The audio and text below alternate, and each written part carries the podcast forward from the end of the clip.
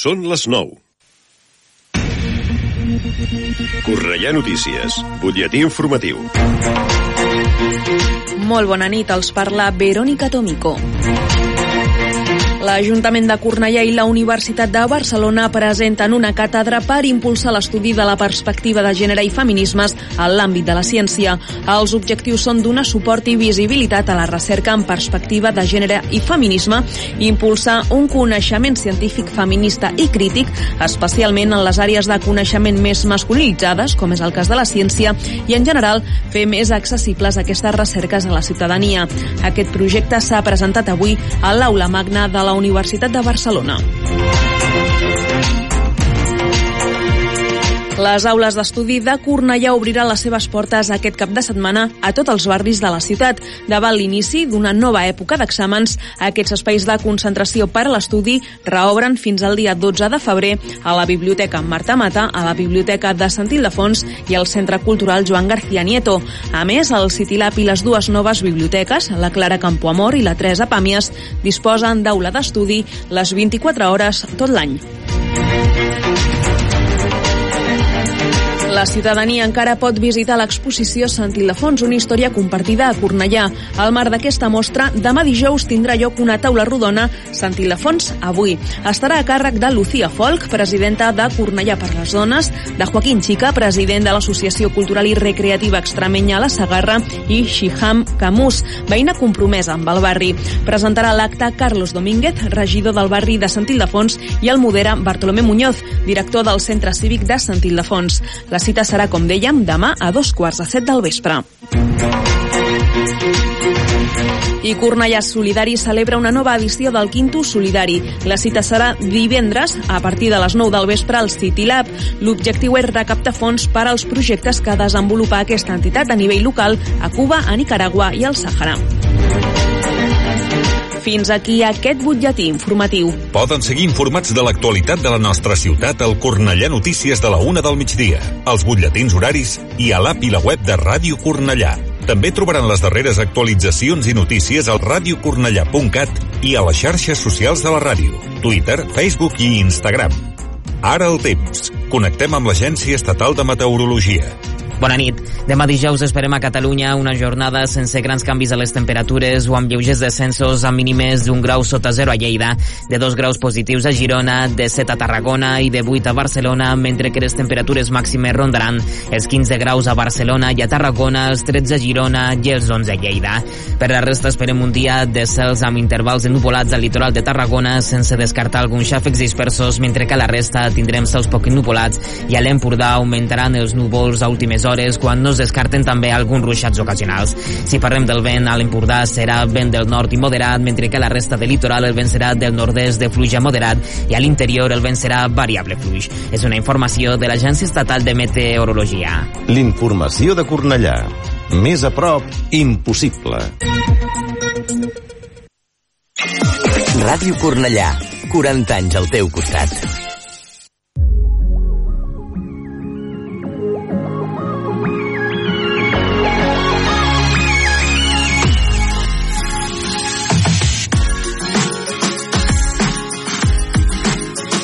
Ara comença Let's Go Creu Roja, mitja lluna roja i cristal roig, amb el patrocini de Conxoreria Montserrat.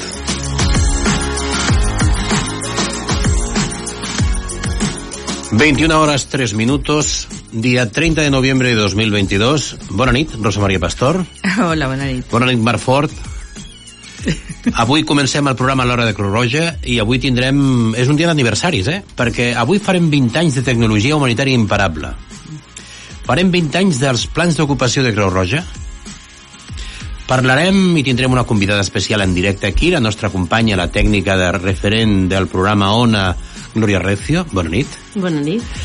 I eh, tindrem, com sempre, les eh, endivinalles d'Olga Yorsi i també reflexions i també eh, les causes i les raons per les quals les persones emigren. Aquest serà més o menys els nostres titulars, aquests seran el contingut del programa del dia d'avui, amb 104.6 de la FM, i aquests són els nostres consells de primers auxilis. No t'imagines com de valuós pot ser un gest a la teva empresa. Un somriure que motiva, un senyal d'aprovació que orienta, una compressió al pit que ajuda a recuperar una parada cardiorrespiratòria. Ensenya al teu equip els gestos més valuosos. Informa't i contracta els cursos de primers auxilis per a empreses a Cruz Roja Punès o al 902 22 22 92. Aprèn a salvar vides. Ajudar les persones vulnerables mitjançant la tecnologia és el repte que persegueixen des de fa 20 anys la Fundació Vodafone Espanya i Creu Roja a través de la Fundació Texos. Projectes com el de teleassistència o la intel·ligència artificial demostren que la tecnologia humanitària és imparable i el seu futur no podria ser més prometedor. La Fundació Texos promou i realitza activitats de recerca i innovació, així com divulgació dels avanços reeixits. En Texos no es perd de vista la necessitat de la persona i la utilitat real del que s'està desenvolupant. La teleassistència mòbil va ser un dels primers reptes abordats, desenvolupant una solució que contribueix a millorar la qualitat de vida de persones grans, víctimes de violència de gènere o persones amb discapacitat, i que s'ha exportat fora de les nostres fronteres gràcies a la Fundació Vodafone Group, com un servei que presta la policia del Regne Unit a milers de dones víctimes de violència de gènere. Ho confirmen usuàries com Primitiva, de Madrid, i Angelina de Lleó, usuàries d'aquest servei que ens expliquen que gràcies al personal que atén aquest servei puc anar al metge o arreglar papers. Quan sóc al carrer, moltes vegades em desoriento, però el, amb el GPS ells em van guiant i em diuen que vagi per aquest carrer o que giri cap a aquell altre.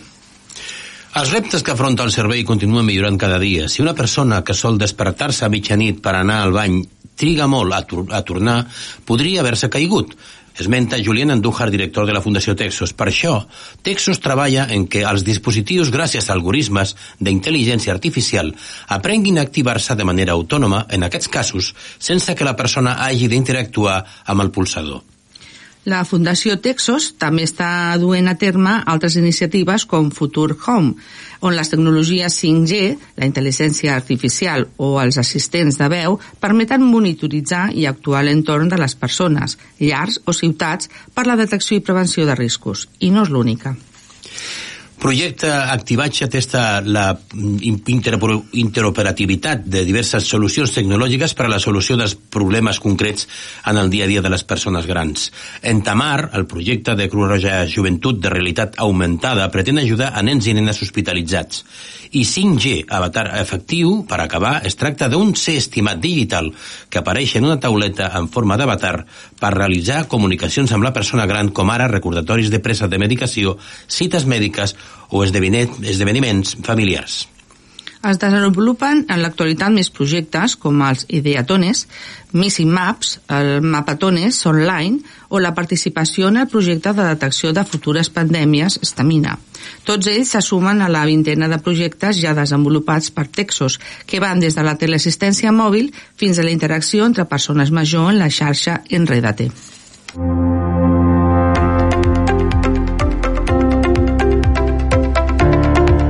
Cruz Roja Juventud es la sección juvenil de Cruz Roja Española en la que podemos estar hasta los 30 años. Compartimos los mismos valores, nos dedicamos a hacer eh, un montón de proyectos y actividades y nosotros sobre todo lo que tratamos es de empoderar a la juventud, de más bien de ser conscientes de los problemas sociales que nos envuelven, ya sea las desigualdades, la exclusión social, la pobreza. Pues las actividades que hacemos anualmente eh, tenemos dos modalidades que son como proyectos que tienen actividades todos los días en la que te puedo destacar prevención de conductas violentas y educación emocional. También tenemos infancia hospitalizada. Y luego otras por campañas. Como la campaña del juguete o la campaña de recogida de material escolar. Sobre todo es tener conciencia social sobre los problemas que, que tienes en tu territorio y ser parte de, de esa ayuda a que la situación mejore.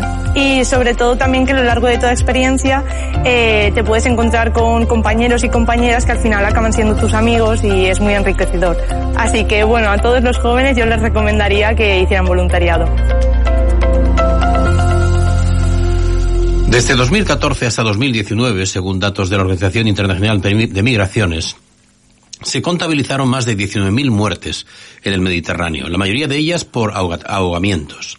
No existe un recuento oficial y los datos bailan según las fuentes porque resulta prácticamente imposible llevar la cuenta exacta de las personas que se traga el mar, pero la cifra es escandalosamente alta.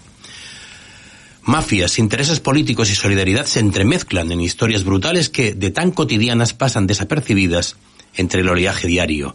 Realidades que, como que una de cada 20 personas que alcanzan las Islas Canarias en pateras se quedan en el mar. El peor dato de todas las rutas migratorias d'Europa. En tan sol 9 anys, el ganès Ousman Umar va marxar del seu poble per començar a treballar a la ciutat.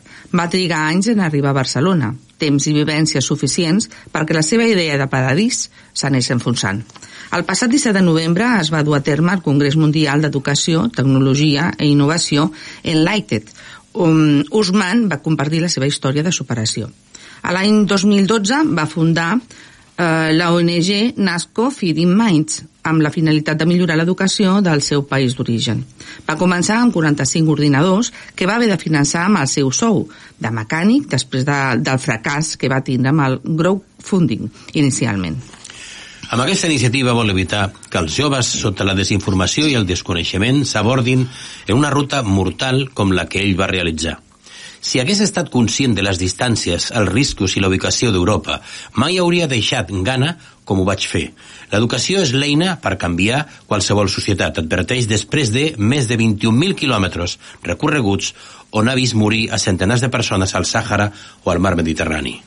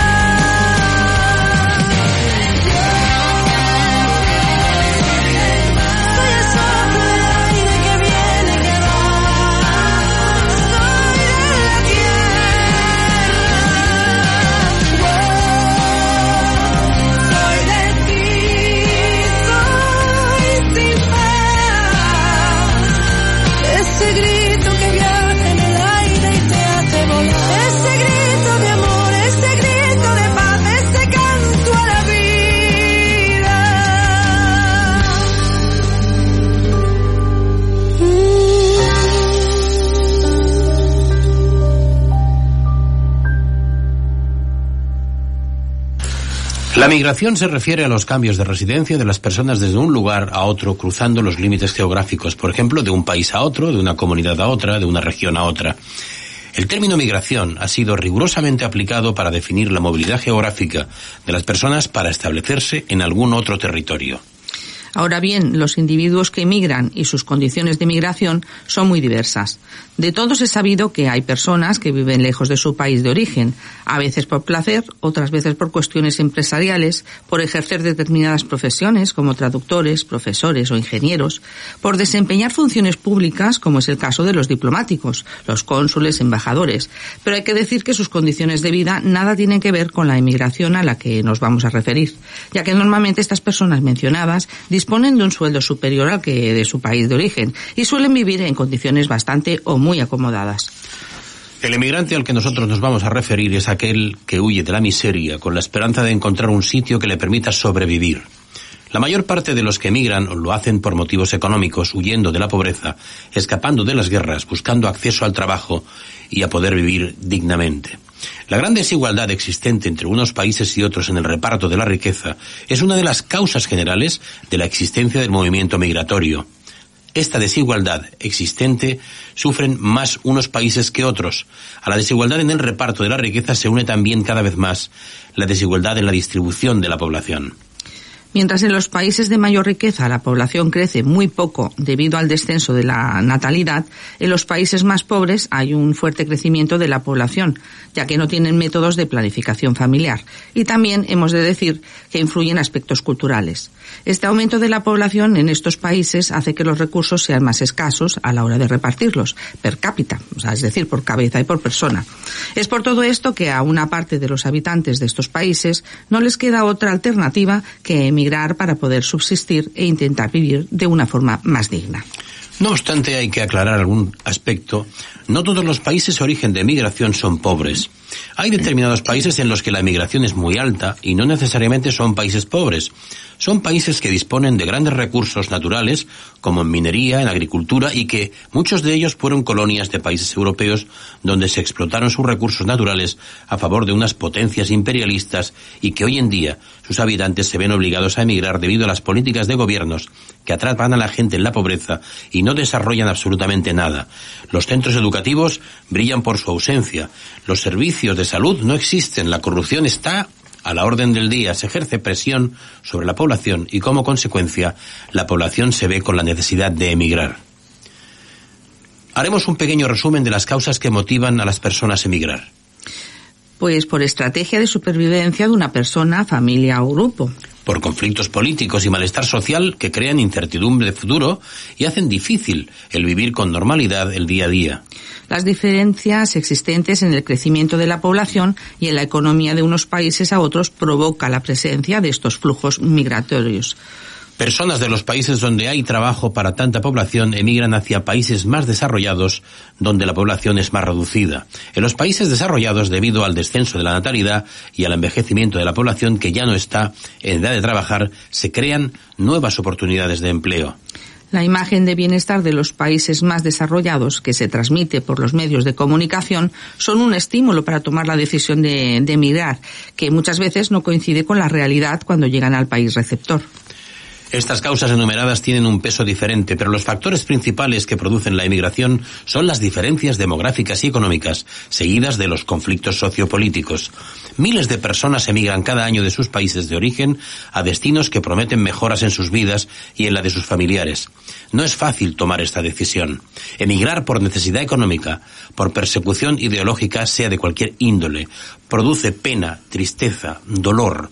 Abandonar la tierra que te vio nacer, donde están tus raíces, despedirte de familiares, de amigos, dejar tu casa, conlleva un proceso emocional que hay que conllevar y superar. El proceso de adaptación al territorio o país receptor implica muchas veces el aprendizaje de otro idioma, un periodo de climatización, acostumbrarse gradualmente a otras culturas y costumbres, y todo esto supone un gran esfuerzo emocional. La solidaridad con el emigrante es esencial.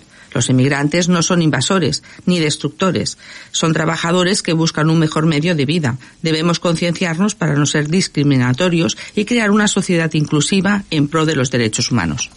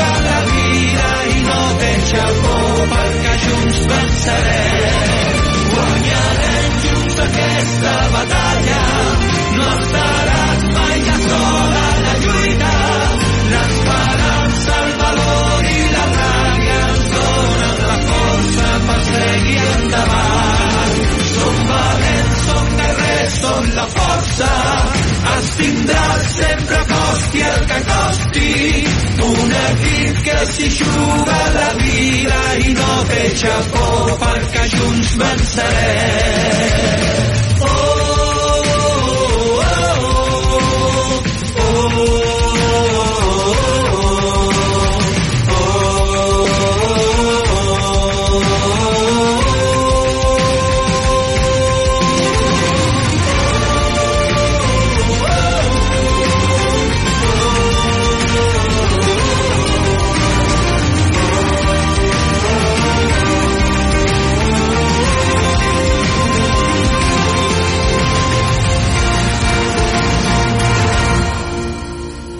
21 hores 23 minuts, l'hora de Creu Roja, al 104.6 de la FM, i nosaltres avui hem parlat al començament amb el titular de que teníem aniversaris, hem parlat dels 20 anys de tecnologia humanitària imparable, i havíem de parlar de 20 anys eh, des que van començar els plans d'ocupació de Creu Roja. Ja han transcorregut 20 anys. Ja fa 20 anys des de, des de que van començar. Dues dècades acompanyant, obrint camins, inspirant, encoratjant i creant ocupació. El pla d'ocupació de Creu Roja està d'aniversari i només queda desitjar un altres, uns altres 20 anys que siguin iguals de fructífers i plens d'humanitat. Actualment, més de 40 projectes d'ocupació estan en marxa a 26 localitats de 50 províncies del país oferint serveis a persones desocupades de llarga durada, a dones allunyades del mercat laboral, majors de 45 anys, persones refugiades, dones víctimes de violència de gènere, persones amb necessitat de requalificar-se i, en definitiva, a totes les persones en dificultat social que necessitin acompanyament a l'ocupació. El 2001 va arrencar el Pla d'Ocupació de Creu Roja a 33 assemblees. El 2008 es va ampliar els perfils a dones i persones de baixa ocupabilitat. El 2009 va esclatar la crisi econòmica i el nombre de participants es va incrementar en un 38%. El 2011 es presenten els programes En realitat no fa gràcia i aquell que es deia Et correspon, ens correspon. El 2014 va néixer les iniciatives Aprendre a treballar itineraris sociolaborals de les famílies amb tots els seus membres a l'atur. Al 2016, gràcies als programes PDE i Poixes, es reforcen les iniciatives d'inserció laboral. Al 2017 s'incorpora la transformació digital mitjançant el programa Empleando Digital. Al 2019 es crea el Servei Multicanal d'Orientació Laboral de Creu Roja i el 2020 la pandèmia causa estralls. El pla d'ocupació supera els 100.000 participants i neix la campanya Somos Go, dirigida a joves amb dificultat social.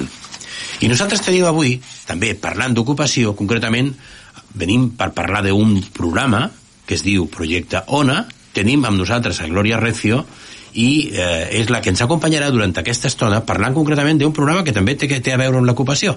Per tant, Rosa Maria, endavant. Molt bé, pues, benvinguda. Gràcies per acompanyar-nos. Bona nit.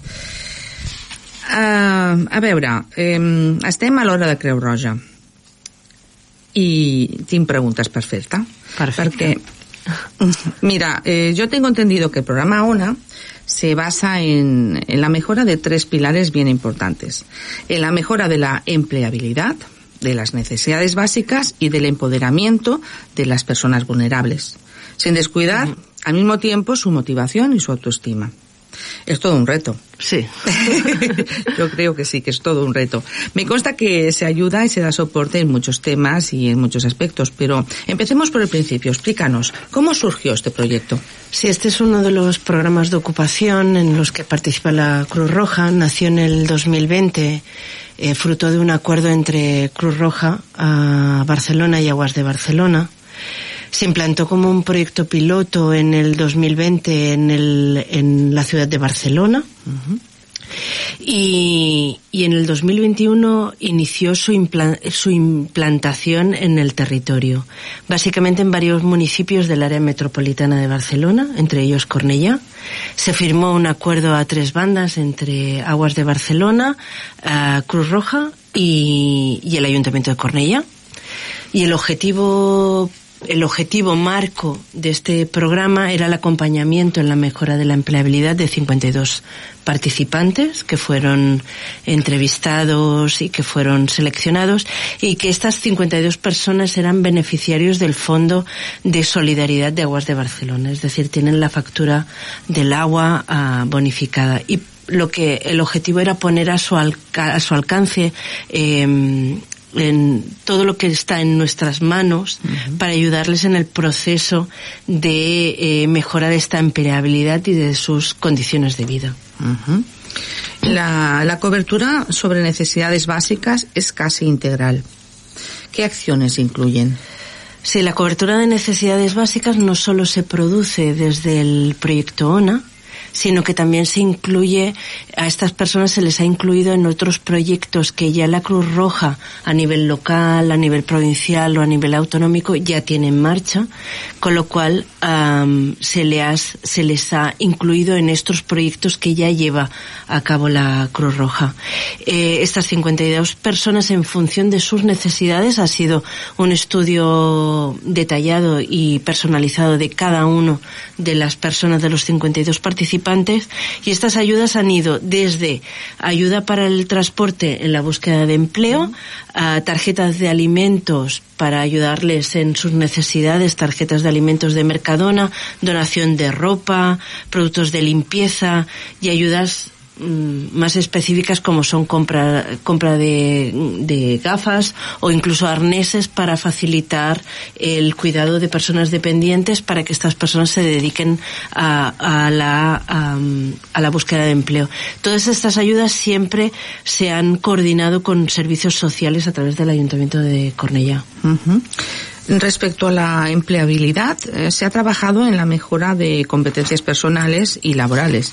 ¿De qué forma y qué tipo de acciones se realizan? Eh, se han realizado desde diferentes desde diferentes desde diferentes perspectivas.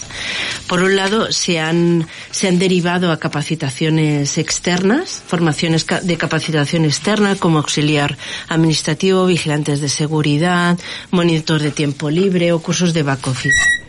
Por el otro lado, hemos hecho derivación a formaciones de otros programas propios de la Cruz Roja, como es Itinerarios que Suman, que tenemos en la propia Asamblea, eh, en el que hemos derivado personas al curso de auxiliar de logística, o, ahora recientemente auxiliar de carnicería, auxiliar de administrativo, eh, personal de apoyo en, el aeropuerto de Barcelona, quiero decir, desde diferentes proyectos que ya tiene en marcha el ayuntamiento, la propia Cruz Roja.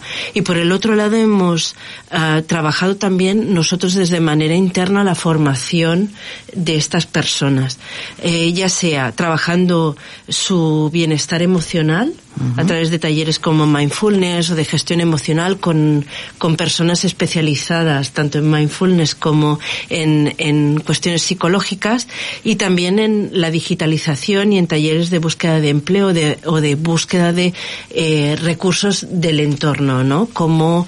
Cómo buscar uh, eh, relacionarse con, por ejemplo, eh, otras administraciones. Uh -huh. Se ha tenido muy en cuenta el, el bienestar emocional, las acciones de motivación y de empoderamiento. ¿En qué se basa todas estas acciones y por qué están integradas en el proyecto ONA? Sí, hemos partido de una, como Cruz Roja trabaja siempre de una, desde una visión integral de la persona, no solo el apartado de búsqueda de empleo, sino también su bienestar emocional. Hemos de tener en cuenta que la gran mayoría de los participantes son parados de larga duración. En, este proceso de, paro de larga duración, el impacto más grande es en la estabilidad emocional. Eh, y hemos dado mucha importancia a este aspecto.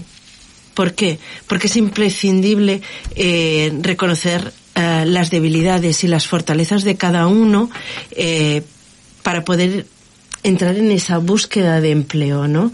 Tenemos que reforzar y, tenemos que reforzar sobre todo el aspecto más mental, más psicológico para poder tomar de nuevo la recuperación de sus propias vidas. Uh. Sí. ¿Cuáles son las mayores dificultades que os encontráis en, en, en el programa? Uh, las mayores dificultades podríamos centrarlas en las cargas familiares, porque nos encontramos a personas que no solo entoman su vida laboral, sino que también han de hacerse cargo de la conciliación de la vida familiar y laboral. Y luego la otra parte importante son los condicionantes eh, físicos o psicológicos que tienen un impacto muy importante en su reincorporación laboral. Eh, a personas afectadas por por alguna por alguna disminución de su capacidad física eh, volver a retomar su vida laboral o su canal para incorporarse en el mercado laboral de nuevo se hace complicado y ahí es donde hemos trabajado intensamente. ¿Cuál es la mayor satisfacción que os ofrece este proyecto? Creo que el, que el mismo proyecto, a diferencia de otros proyectos de ocupación, eh, son, son muchas. En este proyecto, a diferencia de otros en los que se trabaja solo la empleabilidad, en este proyecto trabajamos mmm, de manera muy integral a la persona. Eh, quiero decir que entomamos no solo el carácter laboral, sino el familiar, el psicológico, el social, el económico. Y, y vemos cómo podemos incidir eh, con nuestro grano de arena para conseguir que uh, alguno de estos 52 participantes sean autónomos en, en su vida, que puedan cons conseguir esa autonomía.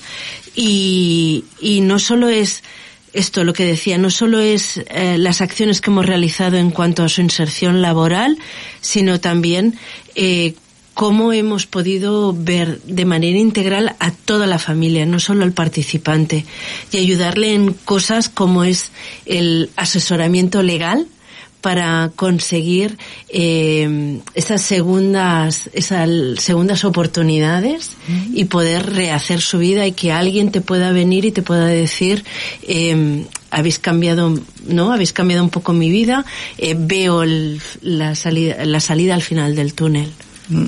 Me consta, me consta que hay muchas entidades además que también tienen proyectos similares. ¿En qué crees que se diferencian?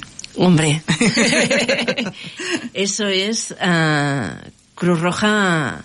eh, creo que a diferencia de cualquier otra entidad que esté trabajando en el entorno laboral es ah, el voluntariado. O sea, es la base, es el porqué y es el final de todo. Sin el voluntariado sería imposible poder haber realizado el proyecto eh, titánico que hemos eh, llevado a cabo durante este año y que llevaremos el año que viene. Eh, el voluntariado ha participado desde acciones de acompañamiento a, a familias que tenían niños y que necesitaban eh, un soporte, hasta apoyo administrativo, hasta mm, temas de mentoring en la búsqueda de empleo, eh, talleres. Eh, es imposible pensar en este proyecto sin pensar en el voluntariado de Cruz Roja. No, no, no seríamos nada. Bueno, el, el realizar, por ejemplo, a ver, eh, personalmente, ¿no? Los talleres de, de mindfulness, por ejemplo, tener esa oportunidad, porque para mí ha sido una gran oportunidad de ver cada semana a las personas atendidas, ¿no? Que veo que están bueno, pero es que es atendidas eh, es completo y complejo el proyecto, realmente. Se sienten además, veo cómo se sienten acompañadas, cómo se sienten motivadas y además agradecidas. Y me produce una gran alegría ver cómo semana a semana van ganando confianza y poquito a poco van avanzando y mejorando su calidad de vida. Así que desde aquí damos las gracias a todos los voluntarios y muy especialmente Bueno. a ti, Gloria, por hacer lo posible. No, y a ti también por llevar a cabo el taller de mindfulness. que tantas sati- satisfacciones nos han dado en, en Sí. este año que llevamos. La verdad es que sí. Muchas gracias. Muchas gracias por tu visita. Gracias, buenas noches. Estuvo con nosotros Gloria Recio, técnica del programa ONA de Creu Roja con Aiguas de Barcelona, y nosotros tenemos el momento de la música, que también ocupa nuestro espacio.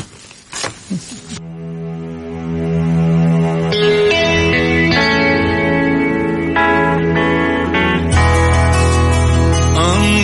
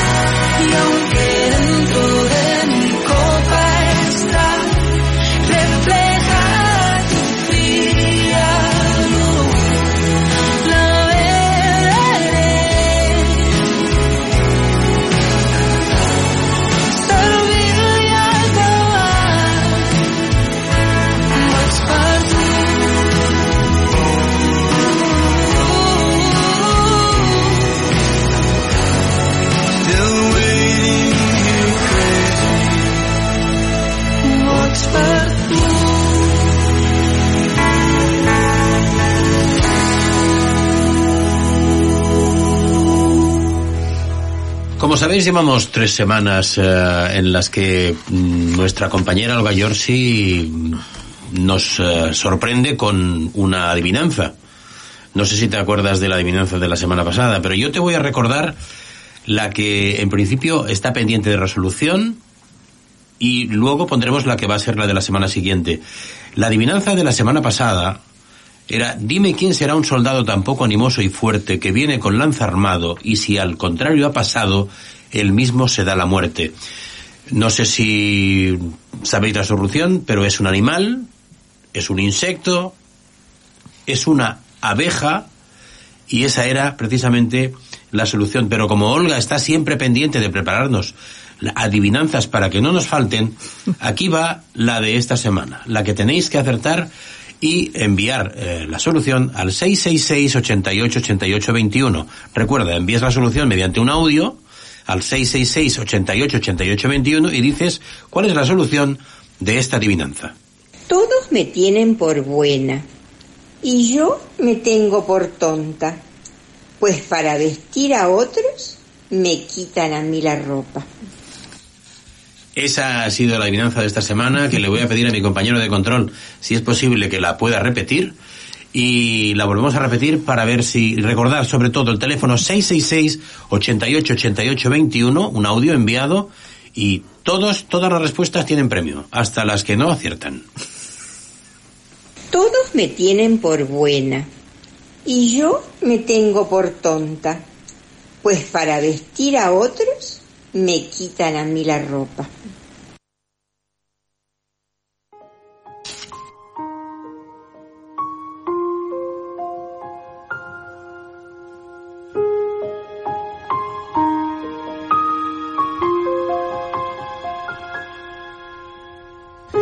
I'm trying to hold my breath. Let it stay this way. Can't let this moment end. You set off a dream. Getting louder now. Can you hear it echoing? Hand. Will you share this with me? Cause darling, without you, all the shine of a thousand spotlights, all the stars we steal from the night sky will never be enough. Never be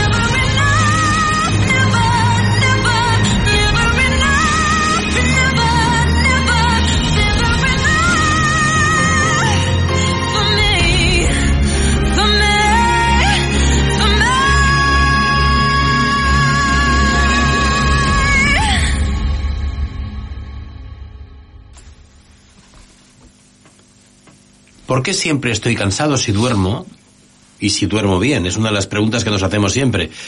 Pero las causas de las fatigas más comunes son las que hay que repasar porque los médicos son conscientes de que la sensación de fatiga puede responder a muchos factores y en algunos casos son graves. La mayoría de las veces la fatiga nos está queriendo decir algo, aunque es normal sentirnos cansados de vez en cuando por o por temporadas. Cuando esta sensación se alarga y perpetúa en el tiempo es porque algo puede ir mal en nuestro cuerpo. Pero, ¿qué? Los médicos son conscientes de que la sensación de fatiga puede responder a muchos factores y algunos pueden ser graves, por lo que solo se podrá determinar con exactitud a través de análisis y visitas al especialista. Sin embargo, sí que hay una serie de causas comunes al cansancio y la fatiga. Por ejemplo, la anemia. Aparece cuando no tenemos suficientes glóbulos rojos para llevar oxígeno a todos los puntos del cuerpo. Menos oxígeno significa menos energía y más fatiga. Por eso la anemia se encuentra entre las causas más comunes de la fatiga crónica. La forma más común de anemia, ocurre cuando tenemos un déficit de hierro, lo que a su vez podría ser el resultado de una cirugía, enfermedades crónicas o deficiencias vitamínicas. Una simple prueba puede verificar si padecemos o no anemia y el tratamiento dependerá de la causa de la falta de los glóbulos rojos. Problemas de tiroides. La tiroides es una glándula ubicada en el cuello, arriba de la clavícula. Es una de las glándulas endocrinas que producen hormonas. Las hormonas tiroideas controlan el ritmo de muchas actividades del cuerpo, como la velocidad con la que se queman las calorías y los latidos del corazón. Los problemas tiroideos roban energía al cuerpo y su capacidad de crearla. La apnea del sueño se produce cuando nuestras vías respiratorias se cierran y dejamos de respirar repetidamente durante la noche, lo que causa fatiga al no poder descansar bien. Esta afección es más común en personas con sobrepeso. El síndrome de fatiga crónica, que es una enfermedad grave y de larga duración que afecta a muchos sistemas del cuerpo. A menudo el síndrome puede dificultar el realizar actividades normales o incluso imposibilita poder salir de la, de la cama. Es un cansancio que dura al menos seis meses, que empeora con el esfuerzo mental o físico y que no mejora por mucho que descanses. Es más común en mujeres de 45 años. Nadie está seguro de qué causa el síndrome de fatiga crónica y por lo general se diagnostica descartando otras afecciones. La depresión, la fatiga debida a la depresión es más que una simple falta de energía durante el día, pues también implica apatía, problemas para concentrarse y recordar, así como sentirse abrumado y desmotivado. Eso puede convertirse en un círculo vicioso porque con la depresión alimentando la fatiga, que a su vez alimenta la depresión, es como una rueda cíclica. Algunos antidepresivos pueden mejorar la situación, otros pueden empeorarla, así que es prudente ir informando al psiquiatra de los efectos que sentimos. ciertos hábitos de, estilo de vida. Muchas veces creemos que hacemos todo bien, pero cuando nos paramos a pensar un poco nos percatamos de que no es así. ¿Seguro que descansas lo suficiente? ¿Haces ejercicio al menos tres veces por semana? ¿Nutres a tu cuerpo con todas las vitaminas y proteínas necesarias? ¿Pasas demasiado tiempo trabajando o frente al ordenador y no tienes apenas tiempo libre? Obviamente, si sientes fatiga durante meses, ve al médico, pero antes convendría que hicieras introspección. Y de forma sincera, evidentemente, sobre tus hábitos de vida, pues a veces eh, también es tan simple como cambiarlos. A veces hay que reevaluar nuestro estilo de vida para ponerle remedio a la fatiga. 21 horas 49 minutos, 104.6 de la FM. Adelante la música.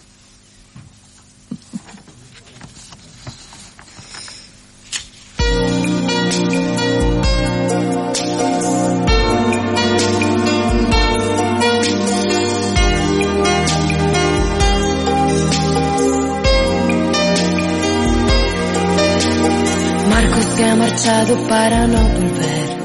El tren de la mañana llega ya sin él. Es solo un corazón con alma de metal. En esa niebla gris que envuelve la ciudad. Su banco está vacío, Marcos sigue en mí. Le siento respirar, pienso que sigue aquí. Ni la distancia enorme puede dividir dos corazones un solo latir. Quizás si tú piensas en mí, si a nadie tú quieres hablar, si tú te escondes como yo, si huyes de todo y si te vas pronto a la cama sin cenar, si aprietas fuerte contra ti la almohada y te echas a llorar, si tú no sabes cuánto mal te hará la soledad. Na, na,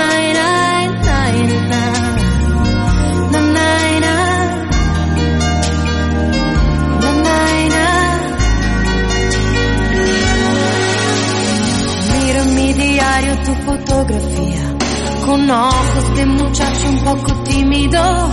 La aprieto contra el pecho y me parece que estás aquí entre inglés y matemáticas. Tu padre y sus consejos, que monotonía.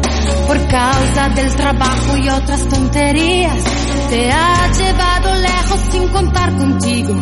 Te ha dicho un día lo comprenderás, quizás si tú piensas en mí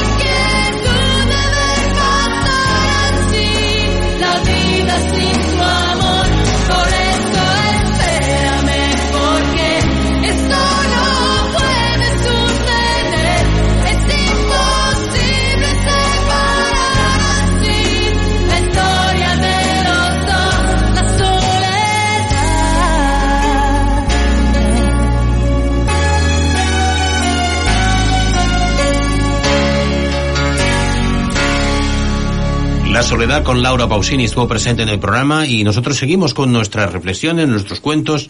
Rosa María Pastor me parece que tiene hoy un, relaciones con un león y un lago, un lago y un león. Sí, hoy sí, el título es ese, El león y el lago. Es una adaptación de una fábula de Oriente. Y dice así, una mañana de muchísimo calor, un hermoso y fuerte león paseaba por la llanura, buscando un lugar donde poder saciar su sed. Necesitaba beber agua como fuera para no debilitarse. Durante un buen rato rebuscó a fondo el terreno en busca de un mísero charco, pero todo a su alrededor estaba seco. Miraba detenidamente las hojas de los arbustos, por si en ellas se des- deslizaba alguna gota, lo cual poder lamer, pero tampoco hubo suerte. El león estaba en las últimas, tenía la boca tan seca que la lengua se le pegaba al paladar. Y ya ni siquiera le quedaban fuerzas para seguir caminando. Triste se alejó de donde se encontraba y arrestando las patas empezó a andar sin rumbo fijo. Estaba a punto de desmayarse de agotamiento cuando tras unos matorrales descubrió un pequeño lago. Su superficie era cristalina y brillaba con el reflejo del sol. El león exclamó, por fin, cuánta agua hay en este lugar. Al fin podré saciar mi sed. Aceleró el paso hasta la orilla. Se acercó a ella y cuando se puso a beber, ¡ah! El león se asustó, se llevó un susto de muerte. Un enorme felino de largos bigotes y una espesa melena le miraba fijamente desde el fondo del pequeño lago. Lógicamente era su reflejo, pero el pobre león no fue consciente de ello. Su reacción inmediata fue alejarse de aquel león, mientras el corazón le latía a mil por hora. Estuvo en un rato hasta que logró recuperarse y recuperar toda la calma después del susto. Tras unos segundos se puso a pensar, no conozco a ese león, pero debe ser el dueño de este territorio. No quisiera meterme en problemas, así que lo mejor será que me vaya de aquí. Sí, eso pensó. Pero al final no se fue a ningún lado. La curiosidad y la sed que tenían eran tan grandes que prefirió sentarse pacientemente a esperar a que el león que había visto saliera a la superficie. Cuando pasaron cinco minutos y habiendo comprobado que allí no había nadie más, excepto unas moscas revoloteando por su rostro, decidió aproximarse de nuevo y con mucha precaución asomó la cabeza al agua y ¡ay! otra vez. El león volvió a aparecer frente a él. Pegó un salto hacia atrás y sus pelos se erizaron como púas. Asustado, se dijo a sí mismo, ¿cómo puede ser? El dueño del lago sigue ahí y parece que quiere asustarme. ¿Qué puedo hacer? Si yo solo quiero saciar mi sed con esa deliciosa agua. Desanimado, se tumbó bajo la sombra de un árbol, dejando pasar el tiempo. La sed y el calor le agobiaban tanto que retomó la idea de acercarse al lago, pero esta vez poniendo en práctica un ingenioso plan. Iba a ser él quien asustaría a ese extraño león acuático. Se acercó nuevamente, respiró hondo y al ponerse frente a la orilla abrió la boca y soltó un rugido que haría temblar hasta los cielos. Pero para su sorpresa, el felino del agua hizo exactamente lo mismo. Le rugió y le enseñó unos colmillos afilados como cuchillos. Volvió a gritar y un socorro tremendo. Del susto cayó hacia atrás, dándose un fuerte golpe en la espalda. Dolorido y medio cojo, se levantó despacio y se propuso poner punto y final a esta extraña situación. Estaba más que harto. No sabía quién era ese león que vivía en el lago, ni qué intenciones tenía, pero solo le quedaba una opción. Armarse de valor y mojar la lengua, porque ya no soportaba más. O se arriesgaba o se deshidrataría en cualquier momento. Con la cabeza frente al agua, miró fijamente a los ojos de su enemigo y no se lo pensó dos veces. Metió la cabeza en el agua y vio que la imagen del león que le miraba se difuminaba y desaparecía ante él. El sediento león bebió y bebió hasta hartarse, notando el maravilloso frescor del agua resbalando por su rostro. Fue entonces cuando se dio cuenta de que allí no había ningún otro león, solo se trataba de su propio reflejo. Pasada la sensación de peligro, comenzó a reírse de sí mismo, pero a la vez se sintió orgulloso por haber conseguido vencer sus ridículos temores. Con una sonrisa de oreja a oreja, regresó junto a su manada con las energías renovadas y sintiéndose muy feliz de sí mismo. Aprendizaje. Esta fábula nos enseña que hay situaciones en nuestra vida en las que sentimos miedos irracionales. Ante esas situaciones, lo mejor es detenerse a reflexionar e intentar vencer el miedo que nos impide lograr nuestros propósitos. ¿Para qué tener miedo de los demás si somos capaces de asustarnos a nosotros mismos? 21 horas 58 minutos, llegamos hasta aquí el programa de hoy. La semana que viene no estamos porque hay un acueducto y habrá Sí. una programación especial, pero volveremos a la semana después del acueducto, como siempre, el miércoles eh, antes de Navidades, para hacer- desearnos una feliz Navidad y para disfrutar de, de las, de las- de dichas fechas con todos vosotros. Gracias, buenas noches, buena nit, buena nit, Rosa Bona Maria, nit. Gloria Recio, buena nit gràcies per Buenas estar nosaltres. Marc Fort, bona nit.